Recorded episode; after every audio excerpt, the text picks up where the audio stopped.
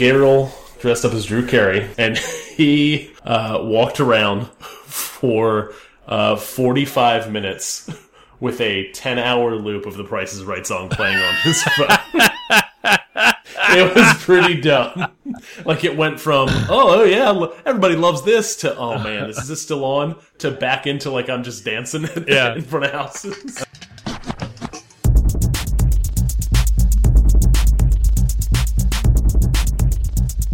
This is the Safe as Milk Podcast, where Adam and I get together twice a month to use bad words to talk about things we like. Huh.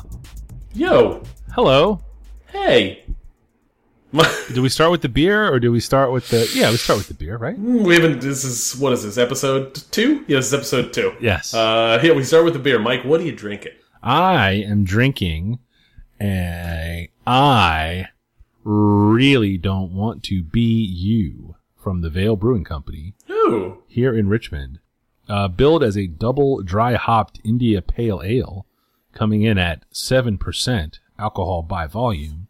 Uh, it is a zero IBU beer.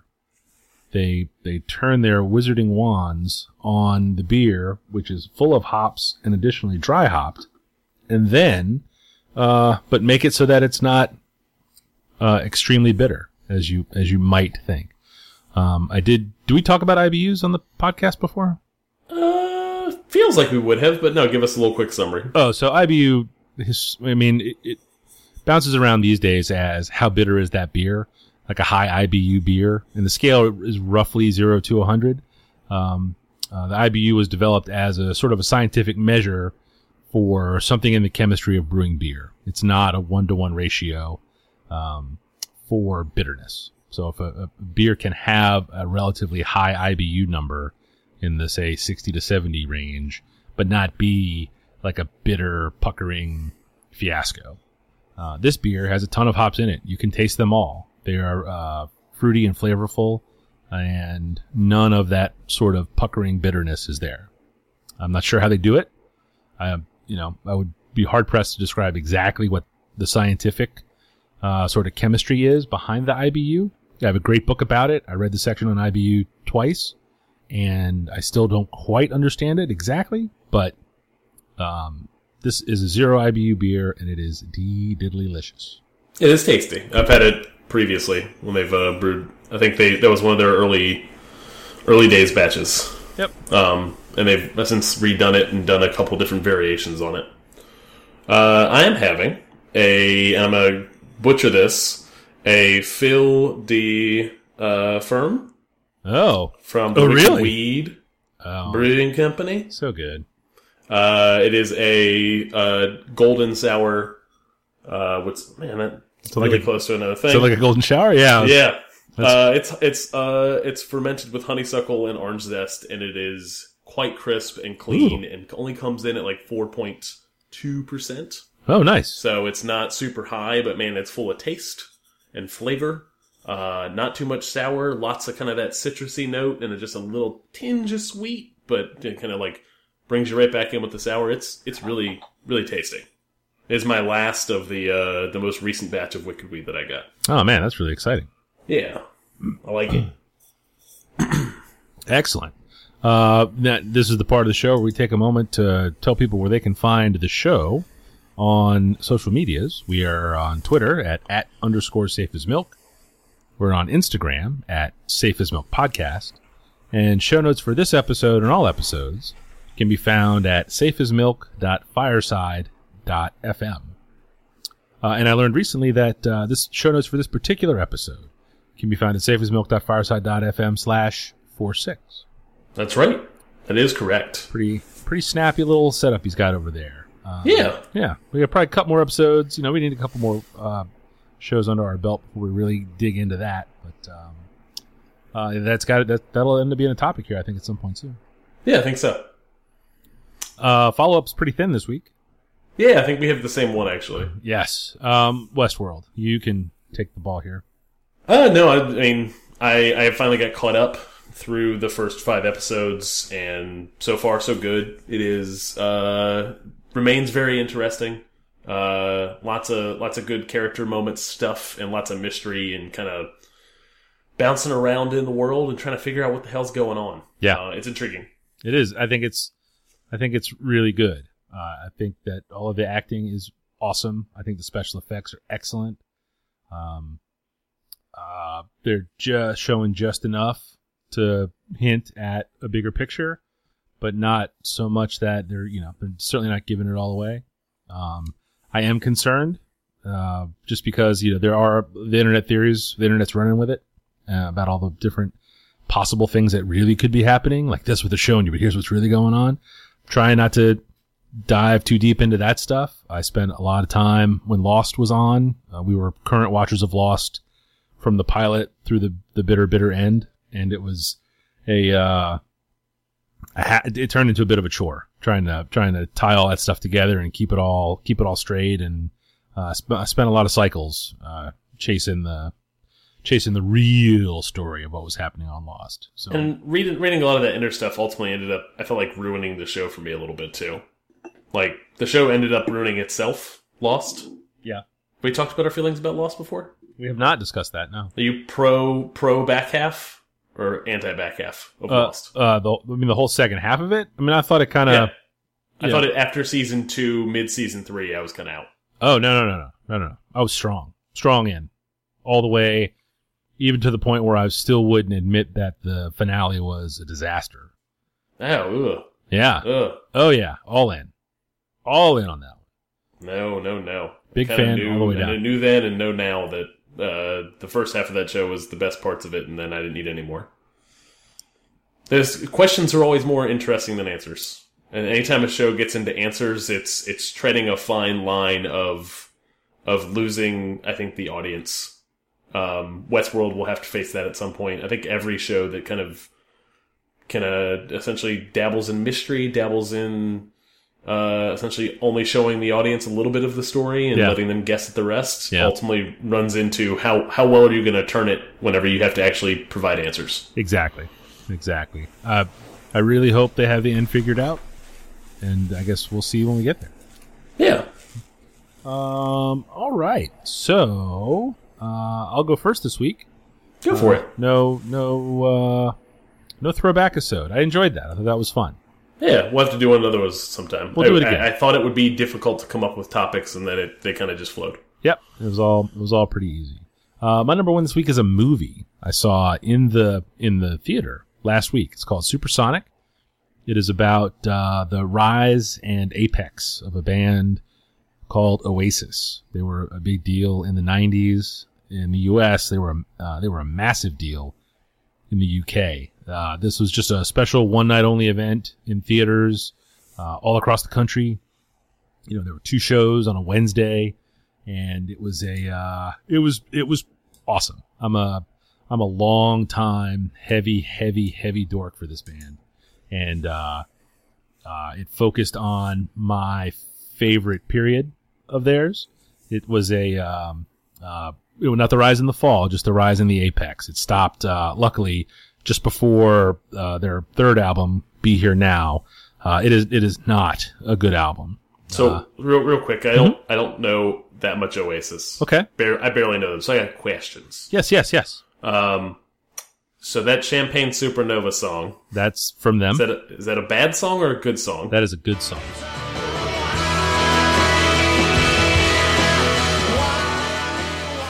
I don't like Oasis. Go on. So many good songs, and these are I mean, these are all just terrific, super derivative, like a great pop song can be, uh, records. Um, like I was saying, it stops just before "Be Here Now," which they went from being, uh, you know, five dummies in Manchester to the biggest band in England in three years. So at that point, you know, you couldn't tell them their shit didn't stink. They were going to do whatever they wanted to do. And if he needed a hundred guitar tracks on this record, damn sure he was going to have it. You know, and if the song's going to be eight minutes long, guess what? The song's going to be eight minutes long. And Ugh. it's full of that shit. Yeah. There are, there's, there's a, there's Should a, be a law whenever president whenever President Trump comes into power. and enact a law that songs can't go longer than five minutes. That's right. That's right. And they're going to build that studio to edit all those songs. That's right. The movie focuses on the two brothers, Noel and Liam Gallagher. Obviously, do you know anything about Oasis? Am I covering? Uh, you- I, I am I am I am like a newborn baby here. Tell me all about it. All right. So you're familiar with the idea of documentaries that focus on a band's rise and fall. You you like the uh, behind Yep. the musics, that kind of thing. Yep, yep. I'm This familiar. is a little bit like that. Lots of really great footage of them as kids. They interview their mom a lot. Sort of them being just sort of, you know, doofy late teens, early 20s guys before they get this band together. There's lots of excellent footage of the band in their very formative time. They were just just some guys that knew each other, right? Um, uh, the song uh, uh, "Live Forever" was the slow jam big hit from their first record, which you probably don't even know that song. You I'll were- say, should I know that song? you were in seventh grade. Maybe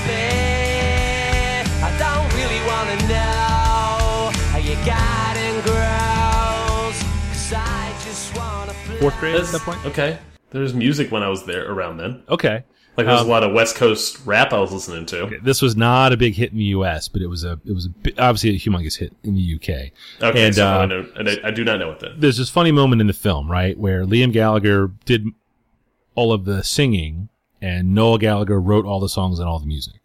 So he's been he's kicking around ideas, he's writing little songs, and then they're in the rehearsal space one day, and they're playing through this song, or he's playing through this song, and they're like, "Oh wow, who who wrote that song?" He's like, "I wrote it." They're like, "Uh, go fuck yourself. You did you absolutely did not write this because this is clearly." You know, some huge hit song that none of us have heard of before now and it turned out to be just a just a massive, massive hit. Um, I saw them on their first U.S. tour in Washington D.C. at the 930 Club, uh, tiny little spot, and it was uh, it was it was just it was it was all really great. And from then on, I was I was all in. I was fortunate enough to see them a number of times when they would come and tour in the U.S.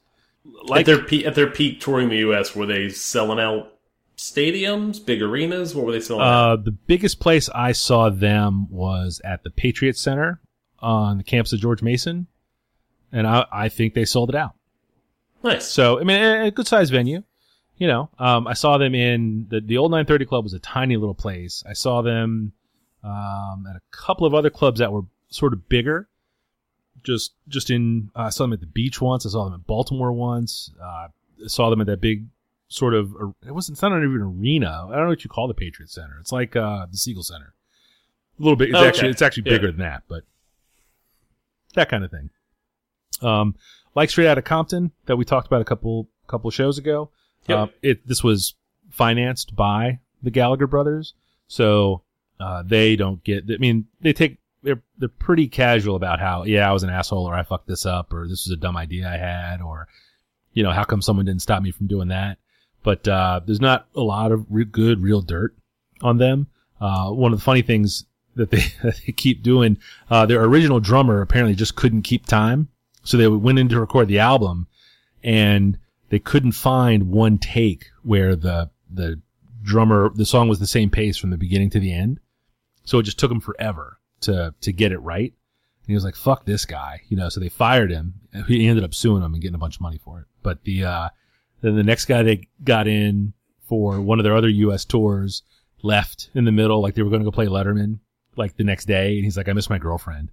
He's like, "Hey, stupid, you know, you're, in a rock and roll band with a bunch of guys that are gonna, uh, as they say, shagging all the birds, uh, you know, all up and down the East Coast. Uh, she's gonna be okay. You know, she's not going anywhere, and trust me, in two weeks you won't care." He left anyway, and then eventually they bring in the last, the a third guy who stuck for a while. And uh, one of the the funny quotes of the movie, well, it's not a quote, I guess, because I don't remember it exactly, but he was like, you know, we need a fucking drummer. You know, do you know the songs? Do you look cool? Fucking come along because the train's not stopping. You know, they were they were in motion, breaking in the U.S. and just went for it. Uh, went with a buddy of mine who was who was sort of my Oasis, uh, you know, watching buddy way back when, and uh, it was a lot of fun. It was a lot of old people, you know, people my age in the theater, uh, and it was a it was a hoot. Uh, it'll- I'm sure it's going to end up on. I think it's on iTunes now. Um, I'll, I'll probably end up buying it at some point. I mean, like I said, I'm a mega dork for those guys. yeah. Got lots of vinyl. Uh, it was, it's one of the very first records I bought. Um, what years before I had a record player? It showed up as an import copy at the at Plan Nine here in town, and I was like, you know what? I love this band so much, I'm gonna buy this because someday I'll have a record player and I'll be able to play it. Yeah, it's just it's absurd. I can tell you that I will not listen to any Oasis anytime in the near future, unless it's like on in a department store and I just don't know it's them. All right, that's hurtful. that's hurtful. It's not like they have a Christmas album or anything for Christ's sake. that Champagne Supernova song's bad. It's not bad. You just heard it a million times when you were what, 17? Something like that. Yeah. Yeah. I mean, believe me, I got a I got a long list of songs just like that that I hate. That's Okay. that's that's why I don't fucking like Boston. Fucking hate the band Boston. this is the kind of dirt I want from this documentary, Mike. yes. Mike hates Boston. I just I just can't get into Boston or Journey. Fucking don't get me started on fucking Journey. Oh my god. Yeah. Have you been to a wedding where people sing Journey really loud? No. What do they sing? That's the thing that happens. Really? Let's move on. I don't sing. I don't know that shit. But Uh, you but you if if you were put a gun to your head, you would be able to sing along to Champagne Supernova just because you've heard it so many goddamn times. And there's only like 30 words in it. Oh, 100%. Uh, my, my number one this week is a new mixtape slash album that came out from the ASAP Mob, which is essentially ASAP Rocky got famous, brought along ASAP Ferg, who's actually a pretty decent rapper, and then a bunch of other people you've never heard of. Are they Um, all are they all ASAPs? They are. Nice. They, so they were the ASAP crew before he ever broke big. Yeah. Um, but uh, they they put together uh, an another collaboration album. I think they had, the last collaboration album was maybe two three years ago. But essentially, it's just a big. It's a bunch of these ASAP guys uh, over some pretty good beats, and then lots of features from kind of some young up and coming rappers and some known names. Um, you get your Tyler the Creators on there, your Wiz Khalifa's on there, your Juicy J's, uh, and then all these new guys. Is uh, that is that Onyx like the old guy's Onyx? Uh, Or is there a new guy named? I don't know the answer to that. I haven't made it to that song yet. I kind of keep skipping. I keep replaying the same like five or six songs, so I have not made it down. Their their collaboration songs like the, the maybe the second to last song. Yeah. And to be honest with you, I kind of gave up on Onyx a long time ago. Like I like Sticky Fingaz as a, as an actor. oh, what is he? What? Wait a second. What? He was a, he was a raptor in like the like the early two thousands. Like he kind of made this transition out of Onyx and into into uh, really? yeah. Huh? He wasn't in a ton of stuff, but he was in like a lot of those kind of late '90s, early 2000s, um, like gangbanger movies. Huh. Yeah, Is that Uh, that's who's the guy that died? Who's the ASAP guy that died? uh, that would be ASAP Yams. That's him on the cover, right? As a baby. Yamborghini. Yes, That's him on the cover as a baby. That's it is cute. him as a baby on the cover. so this this this is called Cozy Tapes Volume One: Right. colon Friends. Right. Um, Colon and- friends. Yes. uh, and uh, there is a lot of uh, there's some mixed results here. Oh, Uh, there are too many skits and improv things from people that aren't funny. yeah. Um, there are some good beats because they can pay people to make really good beats now. And I feel like Rocky's always kind of been on good beats. Yep. They they had that kind of it was he was well produced. Um, Clams. even early on. Yep. And uh, yeah, clams. Yeah, absolutely. Uh, and then and Rocky's always just really good. He is a great MC. He has a great voice, and he can carry a song that has some okay features on it. Um, the the song that is a standout is telephone calls, uh, and it is essentially different people. Uh, receiving telephone calls and uh, rapping, rapping their turn, taking turns rapping. Oh, is it, are they Um, over the phone? Is there like that effect in it? No, Oh. no, I didn't have that. Uh, it's gonna get this cool video game kind of beat underlying the whole thing. Ring, ring, ring. Postman. Who this? Telephone call from young Carti said it's slit. Call the young lord, ASAP Barry, he legit. Money bag, young boy, he ain't kinda off the shit. Young lord with them boys out of Harlem, but it's sick. Um, Uh, And Tyler Creator, who I don't maybe twenty percent of the time, and I can appreciate what he's doing, and then the other eighty percent, I just don't get it. Yep. Uh, this is a twenty percent uh, Tyler song. He's he's good on this. Oh. Um, and then Rocky's on the song as well, and he's good. And then some two people I don't really care about. I think young Yung Gleesh has like all, of Ugh. thirty seconds. Yeah. Yep. That's not ideal. But uh, no, it's a it's a fun little throwaway collaboration album that has some some decent repeatable songs um, that I've been spinning in the car. All right. Got some good good good enough beats to just bump it around in the car. I'm into it. I'll check it out. I'll listen to telephone calls anyway. I'm not going to Yeah. spend the time to go through. You can listen to Yamborghini High. I will not listen to that. That's one. Of, that's one of the, that's one of the other Really? good songs. Yeah. Is Juicy J a lady? No, just Jay's a rapper. Golly, you know, ladies can rap, Adam.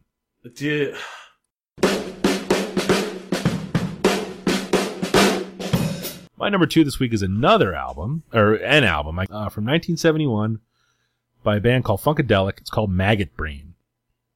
I think largely recognized as a classic album in, uh, in, in sort of rock history.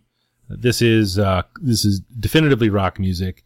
It's in that weird transition between the 60s psychedelia and 70s psych rock. Um, those are different. Like the 60s psychedelia is more folk influenced. Does that if that makes do you any any frame of reference for any of this that I'm talking about right now? uh, sure, yeah, yeah, yeah, totally. So you've heard of like Donovan, the Mamas and the Papas. yes, Okay, only as a reference. only as a reference. Okay. Yes. Uh I don't have a lot here. I don't have. I don't. I don't. I'm not sure where to steer you here. Not a lot of meat on this bone. Uh oh no, it's a oh it's a tasty bone, Mm.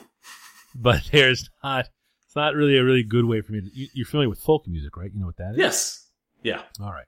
So folk music with electric guitars, okay, and sort of the Yep. No, no. I mean, I, I get, I get what you're talking right, about. that's the Like, 60s stuff. Giving you a 70s hard stuff- time. I, I get this stuff. right. But the '70s stuff is the sort of drug infused sounds, right? Like the idea that the music's going to take you on this trip that the LSD would. Uh, Yes. But with no acoustic instruments here. This is not that. This is like rock and roll. Yes. And- no, no, no. So if you played these two genres for me, I could, I think I could easily pinpoint each. Yes. But Funkadelic is a band. You, you're familiar with George Clinton? Do you know who that is? yes, very much. so. Okay, so this was a this was a band he was in.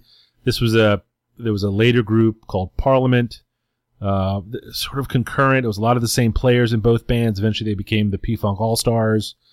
Those are the guys that everybody knows because Dr. Dre sampled them so much in the '90s for the Chronic and a lot of his work. Yep. Um, this Funkadelic record's way more on the rock side than on the funk side. I mean, these guys are just just legit shredding guitars, um, which in this case is a feature. It's not a bug. They are going super duper for it. It's got all kinds of weird like uh, pro, um, uh, you know, up up with people kind of call and response bits to it. Only all the calling and responding is in the music. There are these weird sort of uh, breakdowns into noise. It, it kind of hops all over the place. The song I would recommend, if you've never heard this before, uh, is a song called Super Stupid.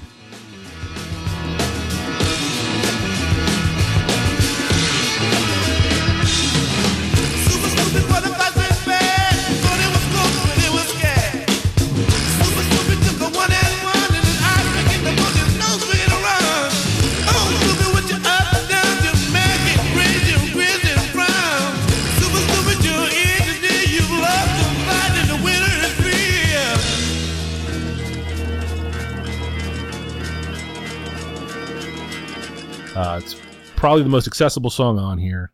Um, it's not particularly long. Uh, sounds, frankly, just like a Jimi Hendrix song.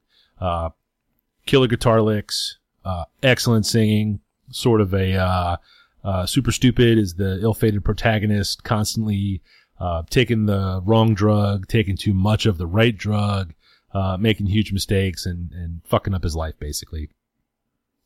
Um, it's a, the, Funkadelic catalog is really far out there. Like it's it's pretty diverse.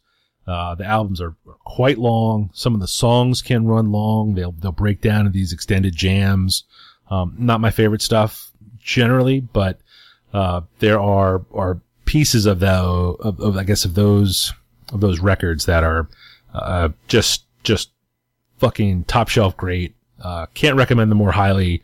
Uh, they do make you earn it a little bit, and that's okay too. Um, but yeah, Funkadelic Maggot Brain. Have you ever seen it? Did you ever see? Did you seen the album cover? It's I awesome. saw it today. Yeah. I like the album cover. it's pretty nuts. That's, that's all I can add. I like I like the album cover, and it, and it did have a brief uh, a brief period of time in high school where I listened to some Hendrix, so I'm at least familiar ish with the style. Okay. But I'll listen, I'll go listen to Super Stupid on uh on a YouTube. Super Stupid's a really good song. Uh, the this is available on Spotify if you want to catch it that way. Most of that catalog is. Um, the whole album is on uh, YouTube. Uh, just oh, constantly amazed at the shit that shows up just as you know full album on YouTube with you know 412 listens. I was like, all right, cool. I'll I'll, I'll make it 413. Uh, Mike, my number two this week uh, is a video game came out this year called Hitman. It's a long running series and a shitty movie. Um, They made a movie out of it. yes, and there is no reason you should know that. is this the bald guy? yes. Who, This who is the played the bald bald guy. guy? Usually they can get somebody. Oh man, I don't think it was anybody that we should recognize. Actually, okay. yeah. Uh, I mean, I think I could point. I could point to him in a crowd, but I don't know his name. Like he doesn't have a catalog of movies I want to see. Oh, Uh, hurtful. in, in any case, he should make better movies. Um, uh, they released a new game called Hitman, which is the I think the title for the original game that came out like six, seven games ago. Yeah. This, se- this series has been, I think, uh, handled well and then mishandled by um, different developers over a long period of time. I think I remember playing the original one on like PlayStation 2, maybe? That might be too far back. Wow. But the idea with these games is that you are taking on the role of a hitman. Uh, you you go into essentially uh, levels that are designed to be solved, and you have a target that you're trying to take out, and do so hopefully as subtly as possible. Um, so there's some stealth mechanic occasionally, but there's also a lot of kind of interacting with the world and kind of overhearing conversations that might become opportunities. Um, so it's a little, uh, it makes you feel a little bit more like a spy, um, than a lot of others, like full on stealth games, um, where you're essentially just crouched in the shadows, slow walking for the whole game. Now, what's an There's- example of that? Uh, so there's like so. First of all, uh, the game has come out in uh, episode format, and I've played the first episode because it was a really easy buy. It was fifteen bucks for the tutorial in the first episode. Oh, oh no, I meant what's an example of like a sneak around only game? Oh no, no. So I was going to say I've only okay. had a chance to play one of them so far, but it's essentially the first level is uh, you're in a you arrive at a big castle in Paris. You have two people that you need to take out because they have done wrong to the world. They always make you try to feel like a hero while you're killing people. Um, that's what video games do. Uh, and you walk in, and there's just this sheer volume and scale of people just around. It's a it's at a fashion show.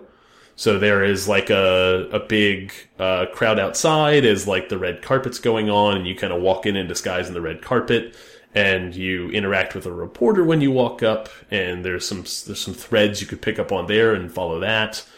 There is in the interior, there's many, many rooms. They're jam packed full of people. There's quiet spaces like where the staff goes, so you can kind of sneak back there. But you can overhear snippets of conversations that the target's having, that other people are having, and those kind of turn into opportunities. Like uh, finding out that they're going to have a meet upstairs at a certain time. And if you can get into a certain disguise, you can go and kind of sneak up on that meet and maybe take out the target during that thing. But there's the the appeal is the kind of the open nature. There is no set guidelines as to how you complete the mission. Your mission is to kill these two targets in any way you can find and escape. Um, but what the fun part is is essentially figuring out how to do that in a cool, interesting, and quiet way, as opposed to just trying to pull out a machine gun and just go gun them down like it's a Call of Duty game. So is that like a Grand Theft Auto E? Where I mean, is it like a giant? Is it Super Sandbox or is it? No, it's not that large. So it's like a, it is a contained level, but there is easily four to five hundred NPCs like player control or, or they're computer controlled non-player characters in the level who all kind of have their own agendas, have their own paths, or doing their own activities. Um, some of it's just crowds of people in a in a bar just just drinking and chatting, and you can kind of just walk through. Yeah. But you could, in theory, you could grab any one of them and wrestle them to the ground and you know assault them. But you know you don't. You pass through quietly and and try to overhear a conversation here or there and make your way to the next kind of area to figure out what's going on there. Cool.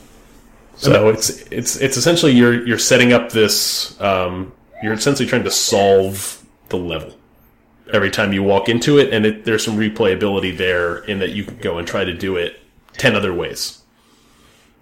Um, you're not adrift. They give you a little bit of hints here and there, um, but it was certainly easy to get into it um, for fifteen bucks instead of paying a full sixty dollars. For sure.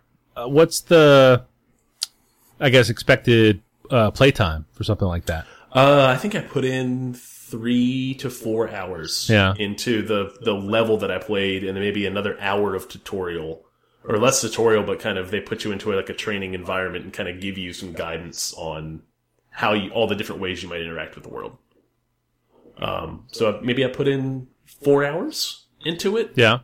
already, and that was just the first chapter, and I could pick up the rest of the chapters for I think ten dollars a piece, or I could just go save some money and buy the whole thing, which I think I'm gonna end up doing. Oh, yeah. Okay. Yeah.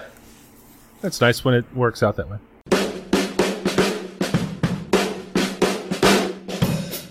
My number three is another album, uh, legitimately obscure, Benny Soebardja and Lizard uh, from 1975. It's an Indonesian psych rock record. Uh, the whole thing's up on YouTube. I'll uh, dump a link in the show notes uh, so you can click through and check it out. Um, uh, this is a I run into things like this, I guess by following a couple of our local record shops here on Instagram. Okay, I was gonna ask how if this is so obscure, how did you end up? Uh, how did it end up coming across Mike Mike Flynn's desk? Yep, yep. Uh, showed up. It was recently reissued on vinyl. Uh, one of the shops here had a copy or two, and uh, generally, I I'll, I will judge these books by their covers. If it's, if there's a cool album cover that someone's like, hey, you know, we have these in, I'll just go look for it either on Spotify or on YouTube and give it a spin. And sometimes it's a hit, and sometimes it's not. Um, I've been listening to this thing pretty hard uh, for a week. It is a uh, like I said, it's, it's Indonesian. It's from 1975 apparently, like the story goes, the guy had had some success in Indonesia making records and he had enough songs to put on one side of a cassette tape and he had to come up with something for the other side of the tape. And that's what this album is. It's not super long. I want to say it's only like 35 minutes long, maybe. It's, it's a, well, it's difficult to describe, I guess. It's, uh, some of what you might get from the more coherent songs on a Funkadelic record, but because it is Indonesian, the sort of time signatures and the instruments and the the sounds deemed uh, good are all different. You know, it's part of the fun I get from listening to records, rock records especially from other countries. You know, the rhythm, rhythms and the instruments they use are, are foreign to me, so it's it's a little bit like learning. I hate to hate to call it that.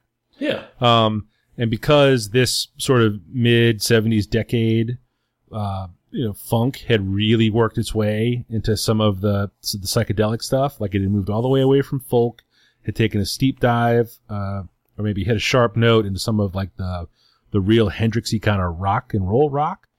And then as it was working its way back out, the funk had started to take over a little bit. And there's there's a nice chunk of funk in here as well. I mean, it's it's got good stuff. Um, this is not on Spotify. I, I looked around, um, but the the whole album's on YouTube. Um, anyway, so the story was that this was the he had to come up with some songs for the B side, the other side of this cassette that of songs that people knew and were going to buy. Recorded it that way. Uh, this most recent reissue is only 250 copies, and half of those were required by law to stay inside of Indonesia. Uh, what? Super weird. Doesn't make sense. Is a reissue on vinyl? yes, first time on vinyl. Is this And reissue? reissued, sorry, reissued on vinyl. Yes. 250 copies. Yes. And by law must stay. Okay, interesting. half of them half of them are required Yeah. to stay inside Indonesia. And I can I guess it makes kind of sense. I mean, he's he's a bit of a big deal there. It would make sense that you would want to sort of preserve that sort of uh, cultural element in uh, in the homeland. I guess maybe I don't know. Um, uh, it's it's it is solid though. Um, the song that I would recommend is uh, the last song on the album. I really think it's supposed to be called "Losing Time."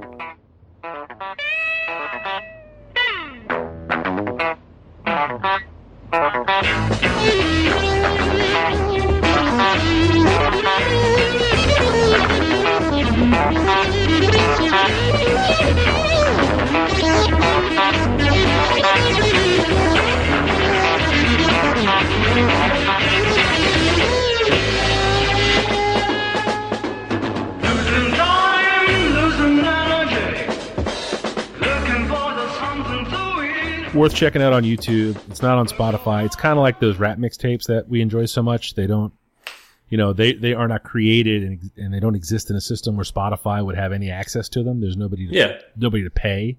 So Spotify is just not going to carry them. And also, you ninety a real mixtape you don't pay for, so all you have to do is just go download it. Right. Right. Yeah, But I I, have a lot. Of, I have a lot of mixtapes just sitting on my phone. yep. But I do so much of my listening in Spotify that it can be, Yep. it's a little frustrating. If I find something like this that I want to listen to just in the course of my day, it has to be where I am not normally looking. So that's a that's a hole in the Spotify system, which is fine. Um, there is one Benny Soebardja song on Spotify.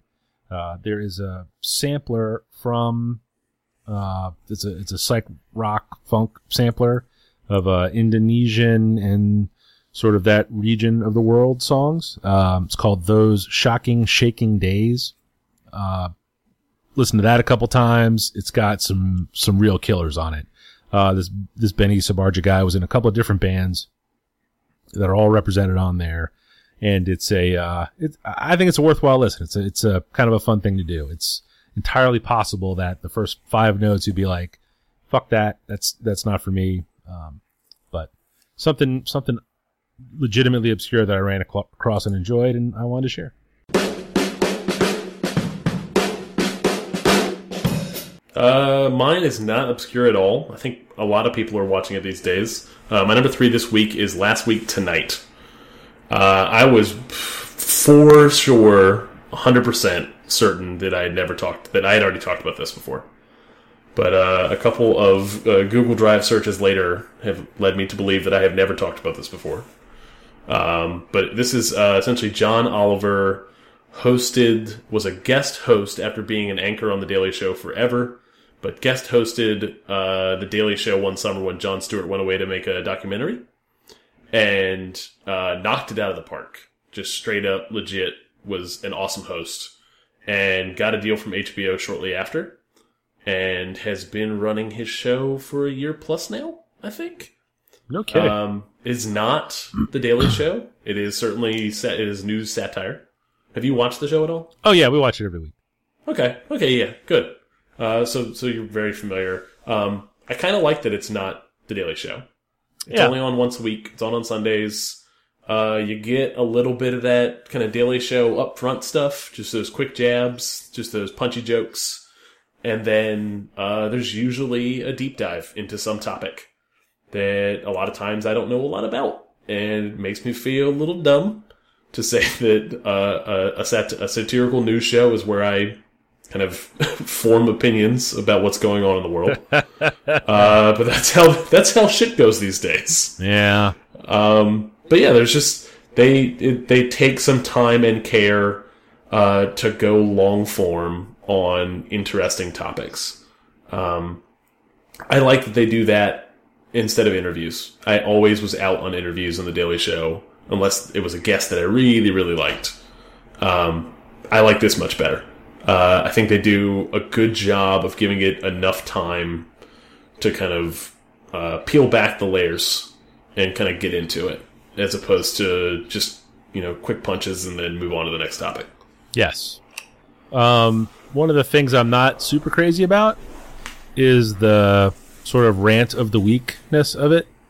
It does. He, that- they do do that occasionally. It's not every episode, but there's certainly it is a, a theme. Yeah. Uh, it is occasionally those long form topics can be a little dry. Uh, like uh, kind of looking down at my watch, wondering when's the last time I laughed. Yeah. As well as as well as had some serious serious thoughts. Uh, I don't fall asleep during the show. It is it is sleep pills uh, for my wife sometimes, and she's the one who suggests we put it on. She'll say, "Yeah, let's put this on." Yeah. Uh, okay. Cool. Cool. Cool. And I look over 15 minutes in, and she's conked out. Yep. Um, to the point where I, I give her a hard time and, and just let her know that you know if she really just wants to go to bed, we can we don't have to turn the show on. we can just go upstairs. The answer is no. Yeah. Nope. We always put it on, and I'm never disappointed by it. I enjoy it. I don't mind just watching by myself. I sometimes just get up and leave.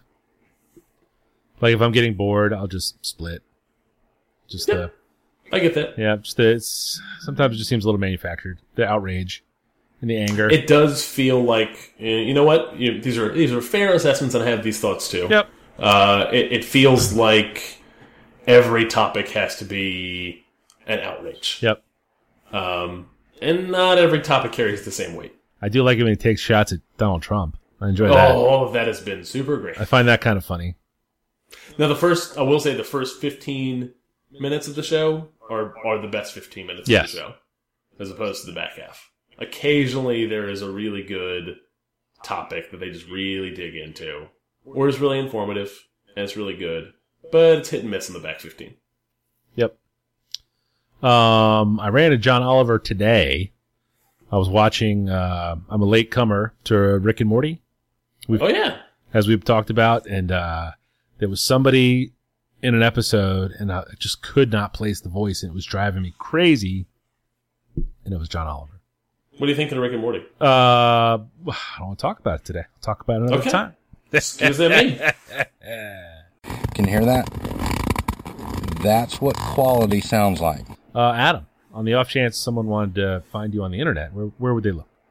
Uh, I can be found at Rec36 on Twitter and 180 Lunches on Instagram. Uh, Inktober just wrapped up, and I'm just back to drawing four days a week. Jeez Louise. Bump, bump, bump. Um, I'm Falfa. I'm at Falfa on Instagram and the tweets. And my blog is uh, at falfa.com slash blog.